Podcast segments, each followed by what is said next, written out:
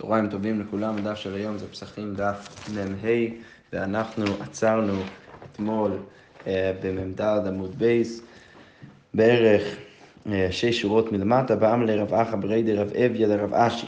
אז אה, רק להזכיר לעצמנו מה, אה, אמרנו, מה אמרנו אתמול, לא ניכנס לכל הניואנסים של הדיון, אבל אמרנו אתמול בגדול שיש פסוק את הנזיר שכתוב שם בשרת. עכשיו, יש מחלוקת בין התנאים מה ללמוד מהפסוק הזה. ראינו שרבי עקיבא לומד מהפסוק הזה ש... אמ, שהתר מצטרף לאיסור, וחכמים לומדים מהפסוק הזה שאנחנו אומרים טעם כעיקר. אמ, ועכשיו, מה שהגמרא עכשיו תגיד זה בעצם שיש פער בין הצורת לימוד של חכמים לבין צורת הלימוד של רבי עקיבא. מה הכוונה? חכמים, כשהם לומדים אה, מנזיר שטעם כעיקר דאורייתא, אז הם גם משליכים את זה לשאר איסורים שבתורה, הם לומדים, אה, הנה אנחנו רואים אצל נזיר שאנחנו רואים טעם כיכר, אז בואו נשליך את זה לכל שאר איסורים. מה שאין כן אצל רבי עקיבא, רבי עקיבא בא ואומר שמשרת מלמד אותי שבנזיר אני אומר היטב מצטרך לאיסור, אבל אני לא, אני לא משליך את זה לשאר האיסורים שבתורה.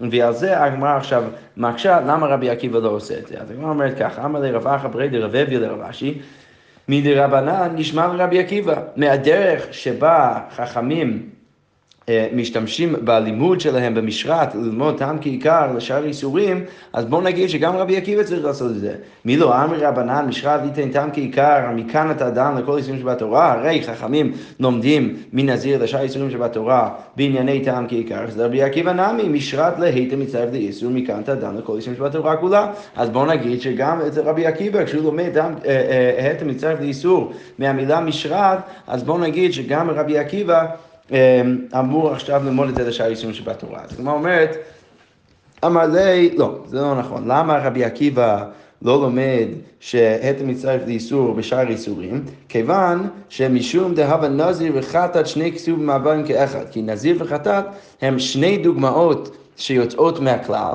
והכלל שיש לנו בגמרא זה שכל פעם שיש שתי דברים שיוצאי דופן ביחד, אז כל שני כתובים, שני כתובים הבאים כאחד, אין מלמדים. ולכן אנחנו לא אמורים להשליך את הדין שמופיע אצל נזיר ואצל חטאת, שתכף אנחנו נראה מה בדיוק הדין שמופיע בחטאת, אה, ולכן מאוד הגיוני שרבי עקיבא שלומד אה, אה, הדם מצטרף לאיסור מנזיר, לא אז משליך את זה לשאר איסורים, מה שאין כן בחכמים, ששמה לכאורה כרגע לפחות אין שני כתובים הבאים כאחד, אלא רק דוגמה אחת, ולכן אפשר ללמוד את זה לשאר איסורים שבתורה. אוקיי, אז הגמרא אומרת, נזיר, מאיפה אנחנו יודעים שהתם מצטרף לאיסור? הדם הר"ן, זה מה שכבר אמרנו, חטאת, מה היא? אז מאיפה אנחנו יודעים שבחטאת אז אנחנו אומרים שהתם מצטרף לאיסור דתניא, כי כתוב בברייתא, כל אשר ייגע בבשרה יקדש, כל דבר שנוגע בבשר החטאת יקדש. ואנחנו נראה בהמשך הברייתא שיש בעצם שתי נפקמינות לדבר הזה. אם הבשר הזה הוא בשר פסול, איכשהו, משהו, הכהן עשה איזושהי טעות בתהליך הכנת הבשר החטאת, אז עכשיו הבשר הזה הוא פסול, ואם הוא נוגע במשהו אחר, אז הוא הופך גם על משהו אחר שהוא נוגע בו להיות פסול. ואם הוא כשר, הוא עדיין משפיע על הדבר שנוגע בו. איך הוא משפיע על הדבר שנוגע בו? שאם נגיד מדובר בחתיכת בשר של שלמים, שבדרך כלל אתה יכול לאכול אותו לשני ימים ולילה אחד, אמ, נוגע בחטאת, אמ, שאז, שהחטאת אתה יכול לאכול רק ליום אחד, אז אה, אתה צריך להחמיר בבשר של השלמים ולא, ולאכלו רק כדין החטאת ולא יותר מזה. כפי שהברייתא אומרת, כתוב בברייתא כל שיגע בבשרה יקדש וגומר, יכול אפילו לא בלעה או בלעה, אתה, אה, אולי אתה תרצה להגיד שאפילו החתיכת בשר שנוגע בבשר החטאת אה, אה, אה, נאסר אפילו אם הוא לא בולע מהחטאת, תמוד לומר בבשרה עד שיבלע בבשר, לא, רק אם הוא בולע מהחטאת, אז אז פתאום שייך הדין של החטאת אצל הבשר שנוגע בו. וכתוב בפסוק יקדש, מה הכוונה? להיות כמוה. אז יקדש להיות כמוה, שאם פסולה היא תיפסל, אז אם החטאת פסולה, אז הדבר שנוגע בה אה, תיפסל, ואם כשרה היא, תאכל כחמור שבה. ואם היא כשרה, כמו שאמרנו, אז צריך להחמיר לפחות לאכול את הבשר שנוגע בחטאת אה, אה, באותה כמות זמן כמו החטאת עצמה. עכשיו, מה אנחנו אומרים? שלכאורה משמע מפה שברגע שנגיד החתיכת שלמים בולע חלק מהחטאת, פתאום אנחנו אומרים שההתר מצטרף לאיסור. אז אפילו אם החתיכת שלמים בלע פחות מכזית מהחטאת, בכל זאת, כיוון שבסך הכל יש כזית של בשר שם, אה, אה, אנחנו כן אומרים שההתר מצטרף לאיסור, ולכן, אה, ולכן לענייננו אנחנו רואים שלרבי עקיבא יש שתי דוגמאות של התר מצטרף לאיסור, אחד מהם זה נזיר ואחד מהם זה חטא, ולכן אנחנו שתי קדומים הבאים כאחד, ולכן הם מלמדים, ולכן זה מסביר למה רבי עקיבא לא משליך את הדין בנזיר לשאר איסורים שבתורה. אבל הגמרא אומרת, ופה הגמרא לכאורה מניחה משהו שלא היינו צריכים בהכרח להניח, אבל בכל זאת היא מניחה את זה. היא עכשיו מניחה שחכמים, כמו שרבי עקיבא, אה, שיש מחלוקת בין חכמים ורבי עקיבא במשרת מה לדרוש ממנו, בין אה, אה, האם אתה אמור לדרוש טעם כעיקר או או התר מצטרף לאיסור, אז כמו שיש מחלוקת שם, אז, אז הגמרא מניחה שלכאורה יהיה אותה מחלוקת בדיוק אצל, אצל חטאת, שכמו שרבי עקיבא דורש מחטאת ללמוד ששם התר מצטרף לאיסור, אז כמו כן חכמים יגידו שאפשר ללמוד משם שטעם כעיקר. אז לכן יוצא שעכשיו שהסברנו כל כך טוב למה רבי עקיבא לא משליך את הדין של התר מצטרף לאיסור לשאר איסורים, אז עכשיו אנחנו אמורים להקשות בדיוק אותו דבר על חכמים לגבי טעם כעיקר. ורבנן נמי ניהבי נזר וחטא שתי כתובים בבנקי אחד, אם הם לומדים מחטאת שטעם כעיקר וגם לומדים מנזיר שטעם כעיקר, אז לכאורה הם היו צריכים להגיד שיש פה שתי כתובים בבנקי אחד והם מלמדים ולא אמורים להשליך את זה לשאר איסורים, אז למה חכמים יודעים שבשאר איסורים טעם כעיקר? אז הגמרא אומרת לא. אמרי, הנו מצח צריכי. אנחנו, כפי שנסביר גם בהמשך, חכמים יגידו לך, לא, שהתורה באמת הייתה, הייתה צריכה לפרט גם את הדין בנזיר וגם את הדין בחתן, ולכן בגלל זה ברגע שיש לך שתי דוגמאות של משהו, אז אפילו אם היית רוצה להגיד שזה שתי כתובים באים כאחד, אתה לא יכול להגיד את זה במקרה שבעצם היה צורך להגיד את שני הדינים האלו, כפי שאנחנו נסביר בהמשך.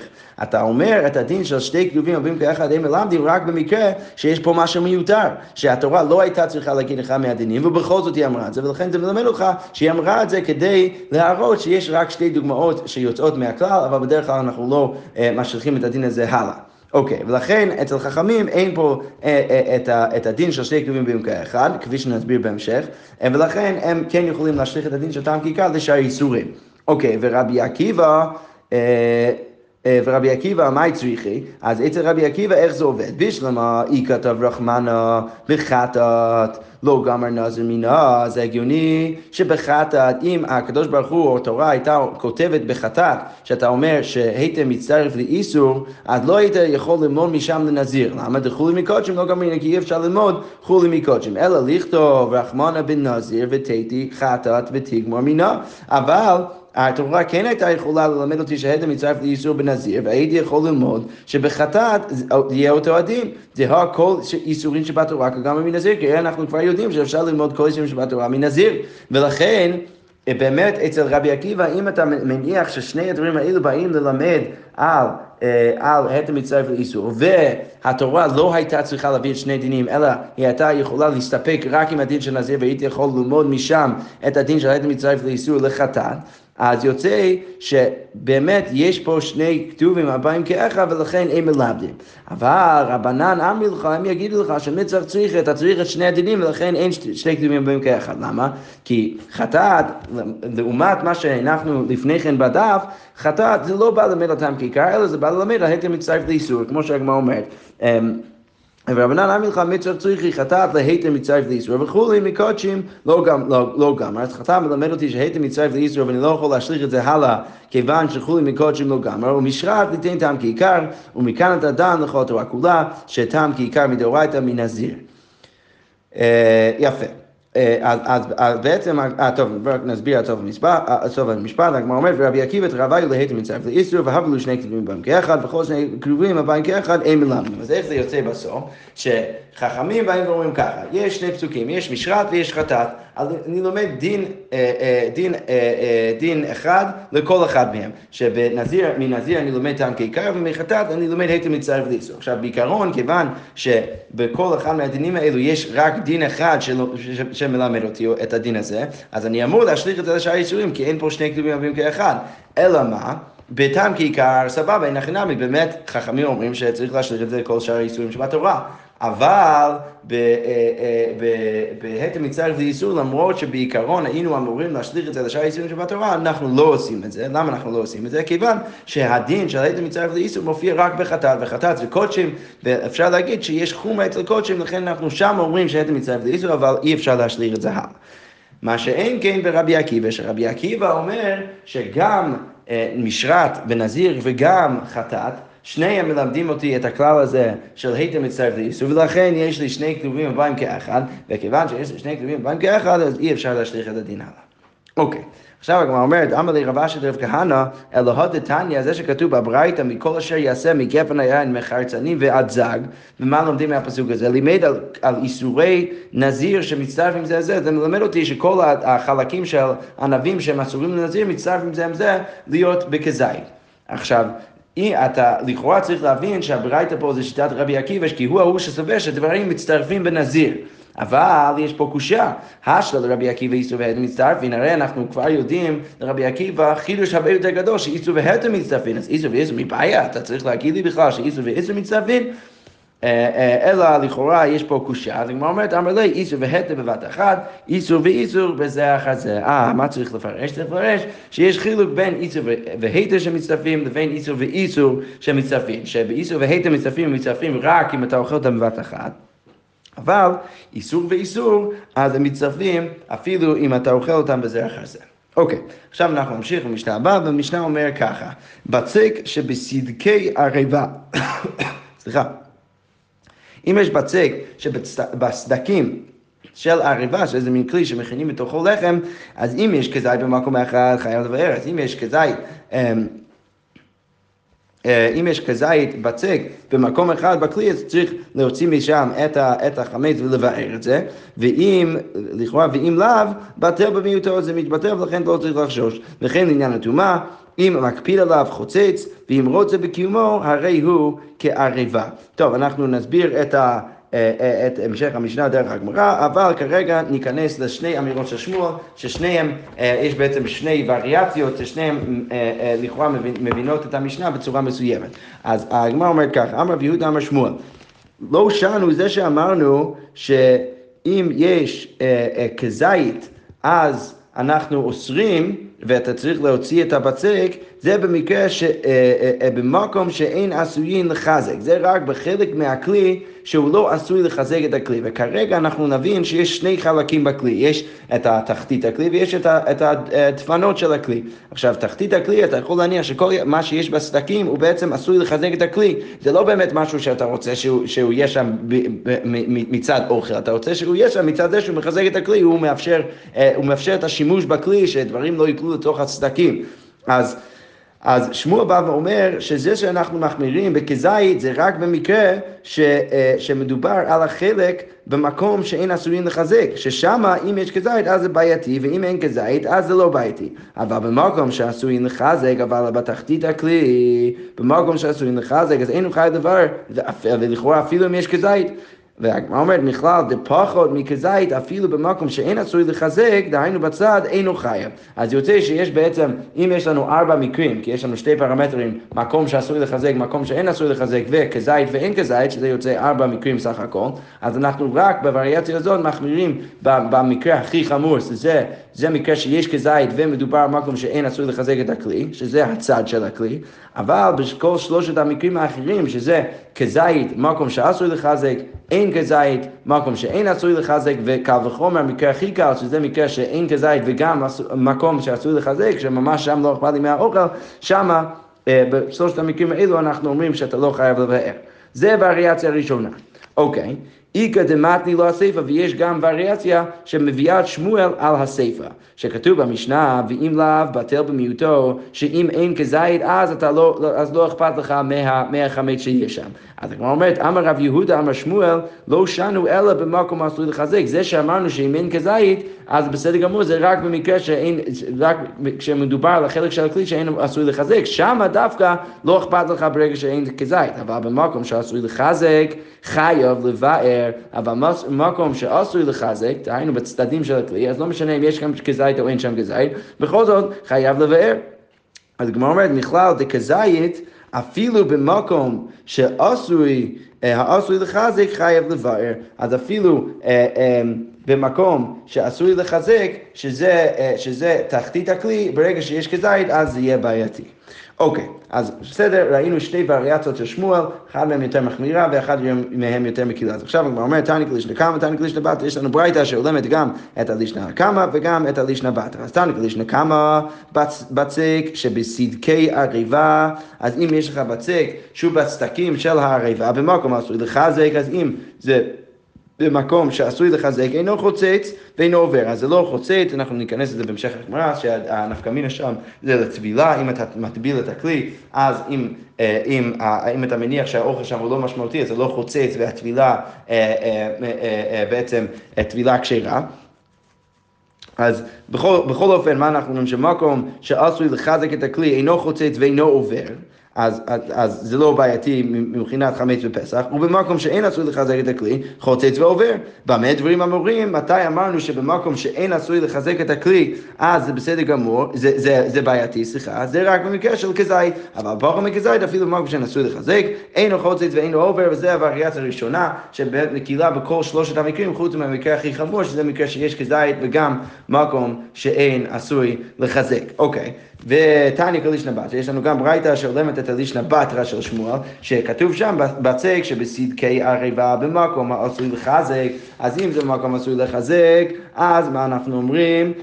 שאינו חוצץ ואין עובר, זה לא בעיה. במקום שאין עשוי לחזק, חוצץ ועובר, שזה כן בעיה. אוקיי, ועכשיו במקום לצמצם את הדין במקום שאין עשוי לחזק, אנחנו מצמצמים את הדין במקום שעשוי לחזק. במה דברים אמורים? בפחות מכזית, מתי לא אכפת לנו במקום שעשוי לחזק? זה רק אם יש פחות מכזית, אבל בכזית אפילו במקום עשוי לחזק, חוצץ ועובר, ודרך זה אנחנו מגיעים לברייתא אה, השנייה.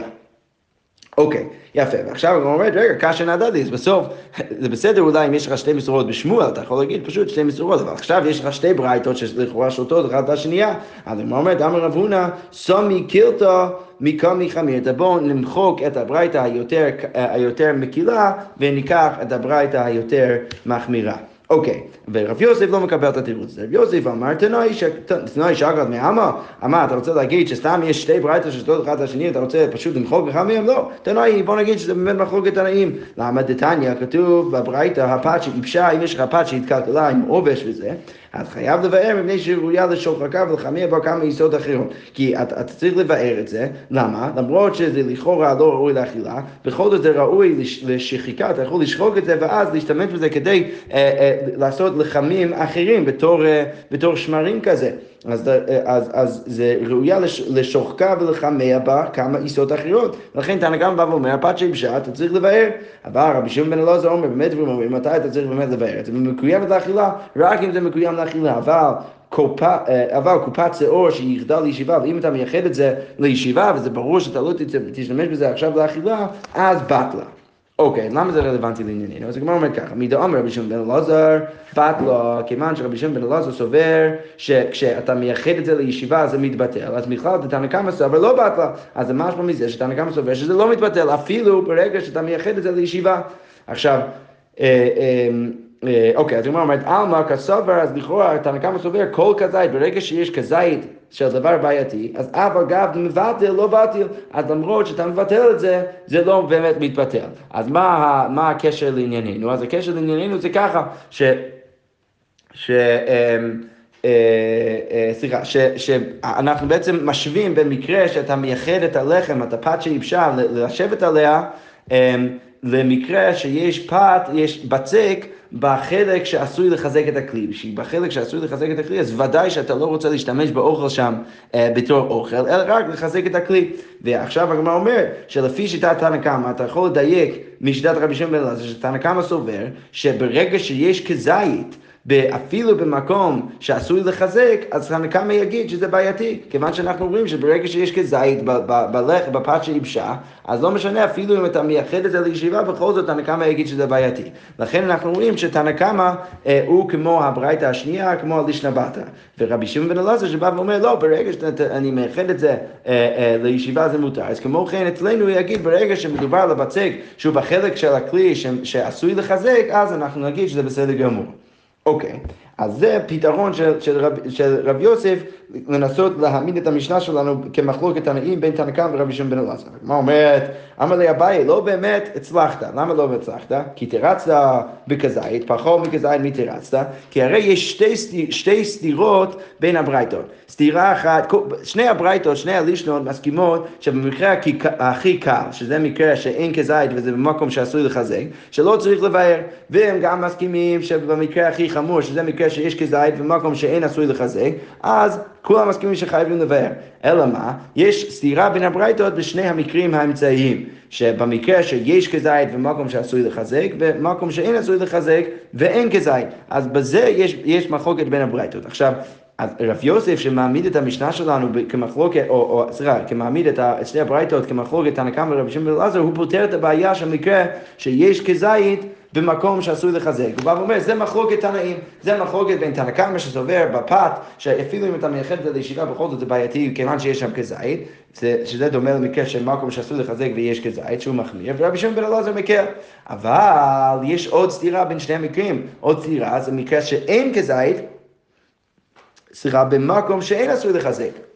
אז במקרה כזה, אין, אתה לא הצלחת להעמיד את, את המקרה הזה כמחלוקת תנאים, כי זה לא שייך למקרה של תנא קמא ורבי שמעון בן אלעזר, ולכן עדיין לא הצלחת באמת להעמיד את זה כמחלוקת תנאים. אז הגמרא אומרת, אמ, אה, פחו מכזית מתרצת, אלא מה אתה צריך להגיד? הו והא רבי שמעון בן אלעזר, צריך להגיד ששני הברייתות הם באמת שיטת רבי שמעון בן אלעזר שמקל. אוקיי, ולא כאשר במקום לישה או שלא במקום לישה. אז מה צריך להבין פה? אז הגמרא אומרת ככה, ואני עושה את זה על פי פירוש רש"י, אולי יש אה, אה, אה, פירוש אחר שזה טיפה יותר פשוט, אבל בואו נסביר את זה ככה. בעיקרון הגמרא אומרת, שני הברייתות לא חולקות אחת לשנייה בדין, בלמייסה הם מסכימים, אלא מה? הם חולקים בביטויים שלהם. אז הברייתא האחת משתמשת בביטוי להתכוון ומתכוונת לחלק מסוים של הכלי, והברייתא השנייה משתמשת באותה ביטוי אבל מתכוונת לחלק אחר של הכלי. ומה הניסוח? אביי בא ואומר שברייתא אחת אמ, מדברת רק על החלקים ש, שאתה באמת לש בתוכם את הלחם שלך, שזה התחתית הכלי וה, והדפנות. ו, ולא מתעסקת בכלל במה שמעל הדפנות, דהיינו שפת הכלי, זה הברייתא אחת לא אה, אה, מדברת בכלל על הדבר הזה, והוא שלא במקום לאישה, וברייתא אחת מדברת לא רק על חלק מהכלי שאתה לא לש שם את הלחם, אלא אפילו על חלק שאתה, אה, סליחה, לא רק על, על חלק מהכלי שאתה לש שם את הלחם, אלא אפילו על חלק מהכלי שאתה לא לש שם את הלחם. אוקיי, מה הכוונה? אז בעצם צריך, במקום להגיד שיש שני חלקים בכלי, עכשיו אנחנו אומרים שיש שלושה חלקים בכלי. יש את תחתית הכלי כפי שהיה לנו, יש לנו את המקום, אה, סליחה, את הדפנות של הכלי, ויש לנו גם את הלמעלה של הכלי, אלא את שפת הכלי, ששם אנחנו אומרים שהוא נחשב כמקום שהוא לא מקום לישה. אוקיי, אז לפי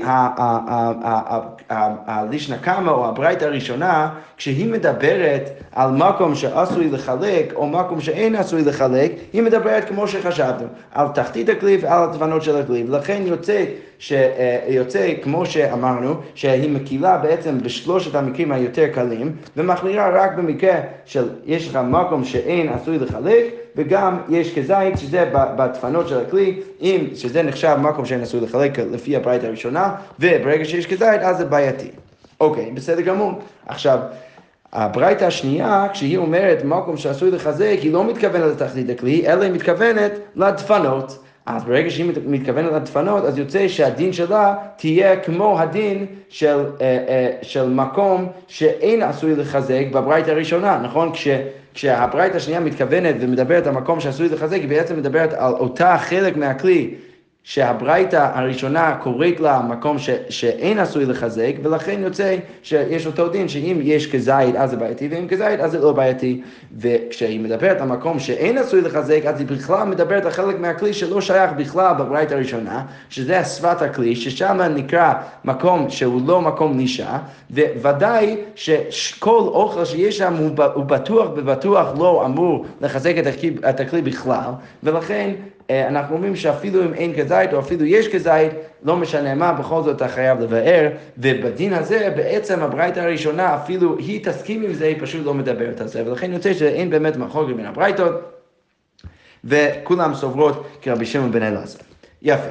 אוקיי, עכשיו, הגמרא עכשיו רק לסכם את העניין, אז הגמרא אומרת, אמר רב אשי, לא תימה שלא במקום נישה אגבה דאגנה, אז אל תחשוב, בעצם המקום שהוא לא מקום לישה, זה המקרה, המקום שהכי גבוה בכלי, ששם אתה ודאי לא מבטל שום אוכל שם, ואתה צריך לבאר כל מה שיש שם, אז בא רב אשי ואומר, אל תחשוב שהחלק הזה, שהוא הכי לחומה, זה רק בצד המבחוץ של הכלי, אגבה דאגנה, אלא הסיפתא דאגנא, אלא זה אפילו שפת הכלי מבפנים וגם אולי אה, אה, בלמעלה של הכלי. שגם החלק הזה נחשב כחלק שהוא לא מקום לישה, ולכן אתה צריך לבאר את כל מה שיש שם, אפילו אין שם כזית. הגמרא אומרת פשיטא, זה ברור, ודאי שגם החלק הזה נחשב כ... אה, כמקום לישה, אז הגמרא, סליחה, שלא מקום לישה, אז הגמרא אומרת לא, מהו דתימה זימנה דעטיף ומתי להתם, ואולי לפעמים הבצק שאני מכין כן עולה לשם, ולכן זה, נקרא מקום שהוא כן מקום לישה, ולכן אם יש פחות מכזית אני לא צריך אה, לבאר את זה משם. כמה שמלן שלא, כמה שמלן שזה כן נחשב לא מקום לישה, ולכן כל מה שיש שם אפילו יש פחות מכזית, צריך לבאר את זה. אוקיי, יפה מאוד. הגמרא עכשיו ממשיכה ואומרת, אמר רב נחמן, אמר רב, הלוך כרבי שמעון בן אלעזר. יש לנו מסורת אחת בשם רב, שאנחנו פוסקים כרבי שמעון בן אלעזר, לכאורה שהפת שייבשה, אז אם אתה מייחד את זה לישיבה, אז זה בסדר גמור, ואתה מבטל את זה. הגמרא אומרת, הנה, אם רב באמת פוסק ככה כרבי שמעון בן אלעזר, ואמר רבי יצחק בר אשי, אמר רב, יש לנו עוד מסורת בשם רב, שהוא בא ואומר ככה, אם תח פניה בתית, בטלה, שאם שמת טיט סביב כל הפת שייבשה, ואז ייחדת את זה לישיבה, אז אתה ביטלת את זה. אז מה הדיוק? תח אין, לא תח לא. שדווקא אם תחת את זה בטיט, אז אתה יכול להגיד. שזה יתבטל ואין בו שום דין חמץ, אין בו, אין בו אה, כבר דין חמץ, אבל אם לא עשית את זה אז לא, אז לכאורה משהו מזה שהוא לא פוסק רבי שם בן אלעזר. אז הוא אומרת, כן, אין הכי נמי מה דמד ניהל למד ניהל. סליחה, יש לנו פשוט שתי מסורות בשם רב, שאחד מהם אומרת ש... אה, שההלכה כרבי שמעון אלעזר, מהם אומרת לא, ההלכה לא כרבי שמעון אלעזר, אלא אם כן אתה שם טיט סביב הפת. אוקיי, איגא דאמרי, ויש עוד מסורת, שהגמרא אומרת כך, ועכשיו לא יהיה סתירה בין שתי המסורות, אמר רב נחמן אמר רב, אין הלכה כרבי שמעון אלעזר. עכשיו, הלכה לא כרבי שמעון אלעזר, וזה הולם גם את מה שרב אמר בהקשר אחר, אמר רב יצחק בר אשי, אמר רב, אם תח בניה בתית, בטלה וכולי, שדווקא אם הוא תח את זה בתית, אז זה מתבטל, אבל אם לא, אז עדיין יש בו דין חמץ, ולכן לכאורה משהו ממנה שהוא לא פוסק רבי שמעון בן אלעזר. אוקיי, מה אומרת, אמר רב נחמן אמר שמואל, שני חצאי זיתים בחוץ שבצק ביניהם, אז מה קורה אם יש בעריבה שלך שני חצאי זיתים, ויש חוט שבצק שבעצם מקשר אותם ביחד, אז מה הדין? רואים, כל שאילו יינטל החוט וניטלין עמו, אז אם היית לוקח את החוט שבצק, ואז היית לוקח איתו את שני חצאי זיתים, אז חייב לבר, אז אתה כאילו צריך לחשוב עליהם כאילו הם מצטרפים, ולכן יש לך כזית במקום בעייתי, ואתה צריך לבאר את זה. ואם לאו, אין הוא חייב לבאר, אבל אם לא, אז אתה לא צריך לבאר.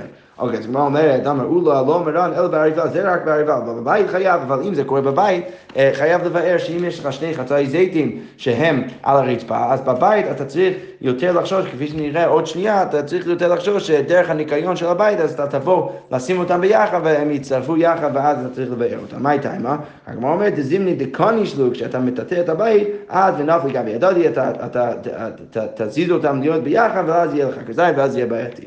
למה אולה, כמו אומרת, בואו במערבה, שאלו בארץ ישראל, בית ועלייה מהו? מה קורה אם יש חצי זית בעלייה וחצי זית בבית, אם צריך לחשוש שהם יבואו להצטרף מתישהו בפסח, או בית באכסג'ה מהו? מה קורה אם יש חצי זית בבית וחצי כזית באכסג'ה מחוץ לבית, או שני בתים זה לפני מזה, אז האם, מהו, בכל המקרים האלו, האם אתה צריך לחשוש שהם יצטרפו מתישהו? אז הוא אומר, תיקו. אוקיי, המשחק, מה אומר איתנו רבנן?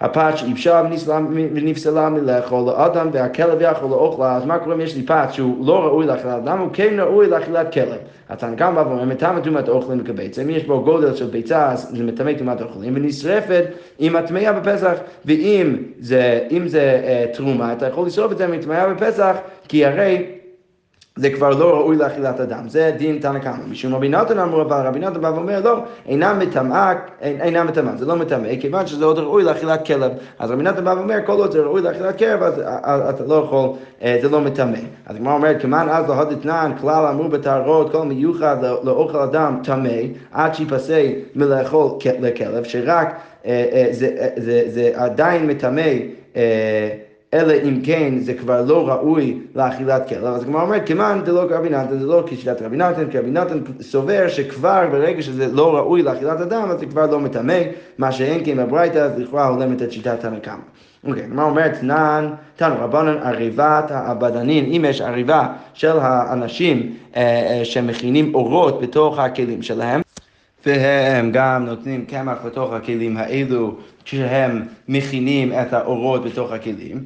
אז כתוב בגמרא שנתן לתוכה קמח תוך שלושה ימים, אז אם הם נתנו לתוכו או לתוכה קמח, אז אם זה תוך שלושה ימים קרוב לפסח, אז חייב לברר, אתה צריך לבאר את הקמח משם. אבל קודם שלושה ימים, אם זה יותר, זה רחוק משלושה ימים מתחילת פסח, אז אין חייב לברר, אתה לא צריך להוציא את הקמח, כי ההנחה היא שכשפסח יגיע, אז הקמח כבר יתקלקל. אמר רבי נתן, באמת, אומרים, מתי אמרנו את זה, שלא נתן קודם שלושה ימים, סליחה, באמת אומרים שלא נתן לתוכה אורות, זה רק במקרה שעוד לא שמו אורות בתוך, בתוך הכלי, אבל נתן לתוך האורות, אפילו תוך שלושה, אין חייב לבאר, אז אבל אם שמו את האורות בתוך, בתוך הכלי, אז אפילו בתוך שלושה ימים, אז לא צריך לבאר, כיוון שהאורות מקלקלות את הקמח, ולכן אתה לא צריך לחשוב שיש פה בעיה של חמץ ברגע שמגיע פסח. אמר רבא, רבא בא ואומר, הלכה כרבי נתן, אפילו יום אחד ואפילו שעה אחת, לא משנה כמה שאתה, לא משנה כמה קרוב אתה לפסח, ברגע שהם שמו את האורות בתוך הכלי, אז אתה כבר לא צריך לחשוש, ואתה יכול להניח שכל מה שיש שם הוא בעצם קמח שמתקלקל, ולכן אין בעיה של חמץ, ואתה לא צריך לבאר את מה שיש שם מהכלי. שכוייך.